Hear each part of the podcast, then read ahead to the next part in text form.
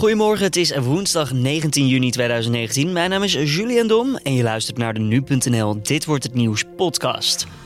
Het Joint Investigation Team houdt vanmiddag om 1 uur een persconferentie over het neerhalen van vlucht MH17 boven Oekraïne. Mogelijk wordt er informatie naar buiten gebracht over de verdachte.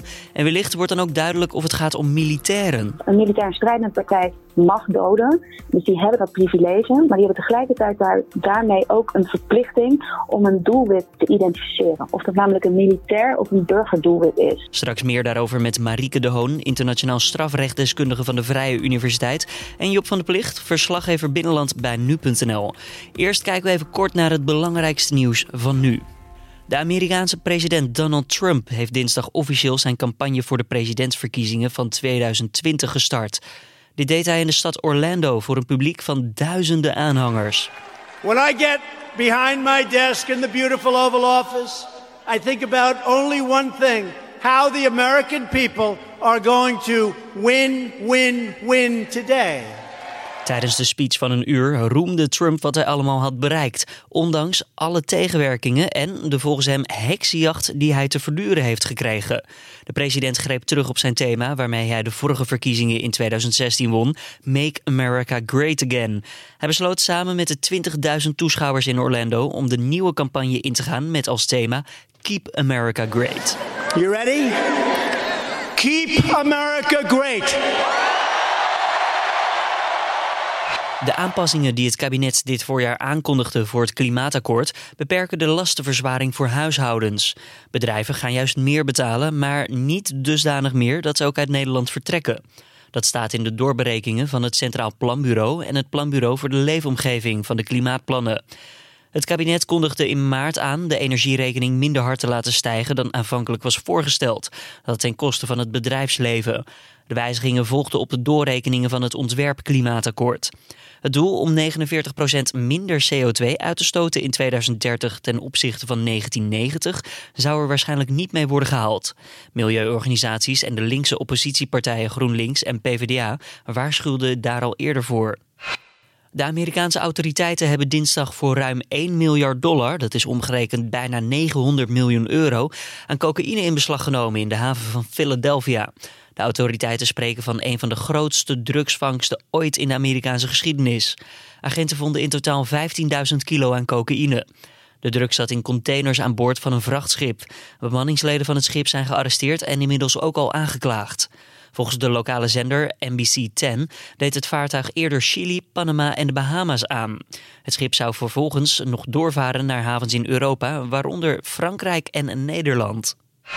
68 van de 77 leerlingen van het Calvijn College in Amsterdam moeten een deel van hun schoolexamens inhalen. En pas daarna kan een definitieve examenuitslag worden bepaald, al dus de onderwijsinspectie.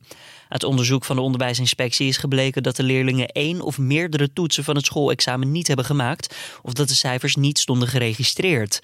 68 leerlingen van het VMBO-kader moeten nu in totaal 180 toetsen inhalen. Dat betekent in de meeste gevallen één of twee toetsen per leerling en in sommige gevallen zelfs meerdere toetsen. De negen leerlingen die geen toetsen hoeven in te halen, moeten daardoor nog enkele dagen wachten op de definitieve uitslag van hun eindexamen. En dan naar het onderwerp van deze dag in de podcast: de mogelijk volgende fase naar het onderzoek van MH17. Het internationale Joint Investigation Team, het JIT, presenteert vandaag de nieuwste bevindingen in het strafrechtelijk onderzoek naar het neerhalen van de vlucht. En voorafgaand aan die presentatie vindt eerst een besloten bijeenkomst plaats met nabestaanden. Zij worden eerst geïnformeerd over de ontwikkelingen en daarna volgt een openbare presentatie. Job van der Plicht van onze redactie is aangeschoven hierover. Uh, Job, om te beginnen, um, ja, waar staan we nu eigenlijk met het onderzoek op dit moment? Nou, heel veel in dit onderzoek gebeurt in stilte uh, en, en, gebeurt op de achtergrond. Het laatste echte grote nieuws dat, um, dat we over de MH17-vlucht, uh, het neerhalen daarvan, uh, hebben gehoord, is dat Nederland en Australië Rusland aansprakelijk hebben gesteld voor, voor het neerhalen van die vlucht. dat hebben ze vorig jaar gedaan, rond deze tijd. Eind mei was dat. Uh, ook tijdens een uh, grote persconferentie. En verder heeft onderzoekscollectief Bellingcat wat namen bekendgemaakt van, van Russische hoofdverdachten in deze zaak. Ehm, nou, vandaag komt er dus, komen er dus nieuwe ontwikkelingen naar buiten. persconferentie begint om één uur in Nieuwegein.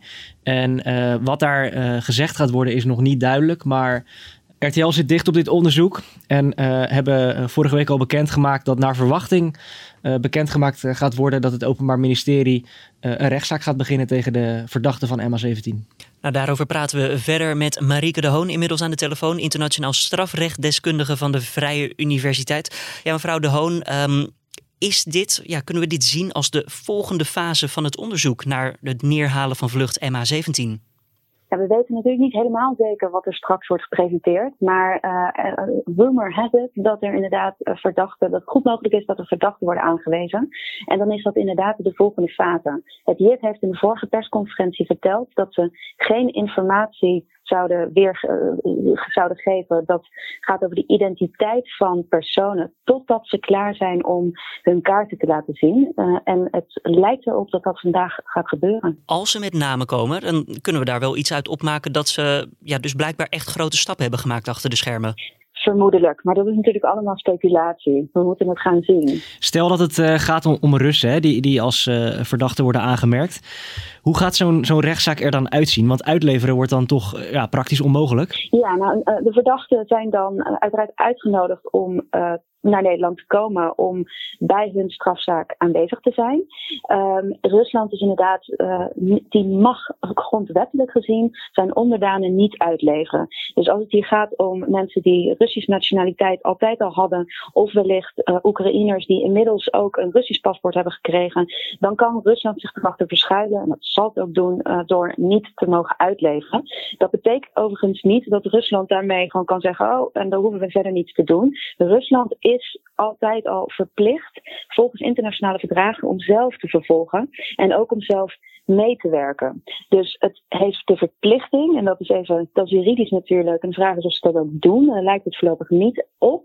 Maar om mee te werken, en dat zou bijvoorbeeld ook kunnen door te kijken of bijvoorbeeld een videoconferentie mogelijk is. Zodat dus de verdachte dan wel in Rusland zit, uh, maar toch meedoet aan het proces hier in Nederland.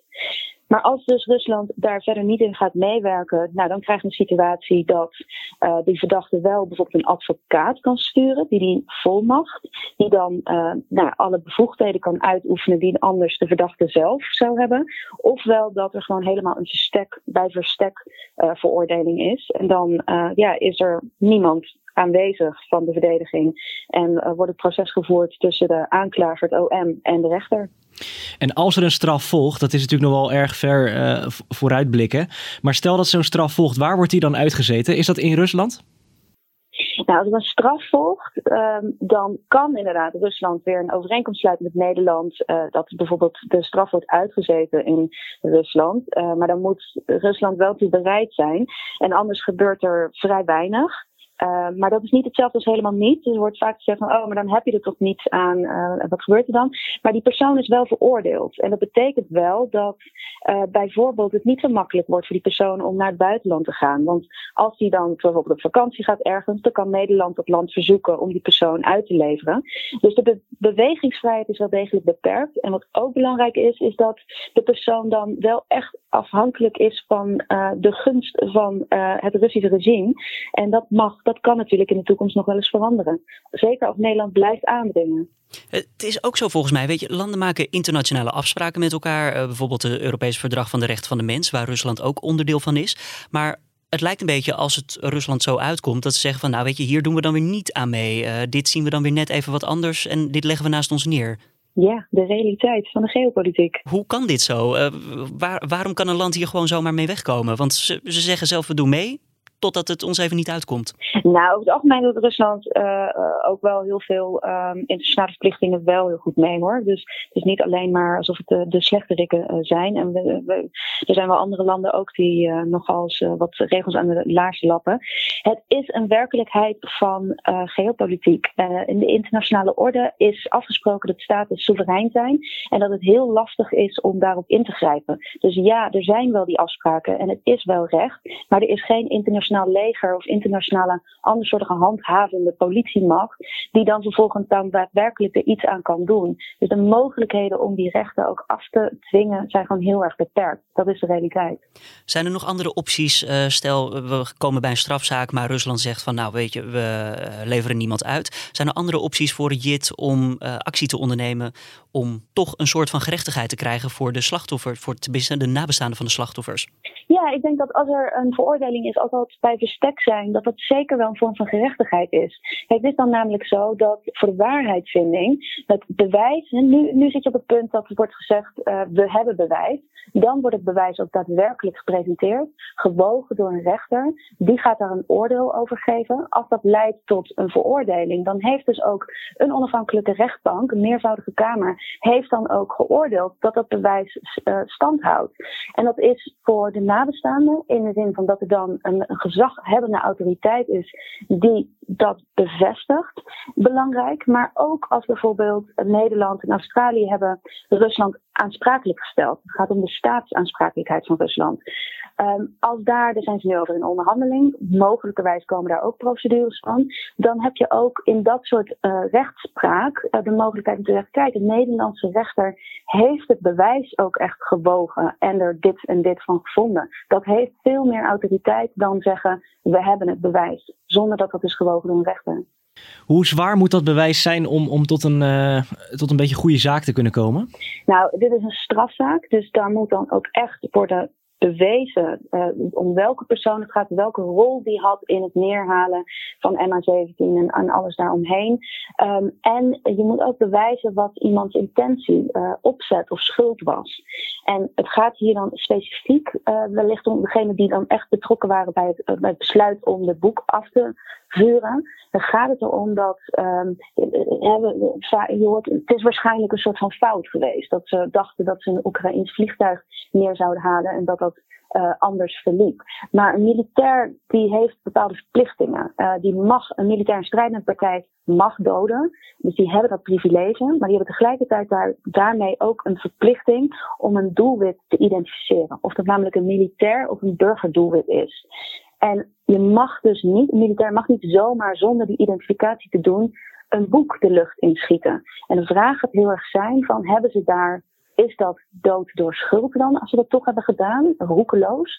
Of is dat toch een voorwaardelijke opzet, namelijk dat ze een bepaalde aanmerkelijke kans hebben aanvaard dat als je die boek de lucht inschiet, zonder dat je daar genoeg radargegevens voor hebt om te weten wat, die, wat het doelwit is, of je daarmee niet toch gewoon opzettelijk uh, een vliegtuig neer, neerhaalt, of althans dat risico neemt. Duidelijk verhaal. Marieke de Hoon, internationaal strafrechtdeskundige van de Vrije Universiteit. Dank u wel. Job, dan uh, gaan we weer eventjes naar jou toe. Want jij bent dus vandaag bij die persconferentie. Wat kunnen we verwachten op nu.nl? Ja, vanmiddag om 1 uur begint de persconferentie in Nieuwegein.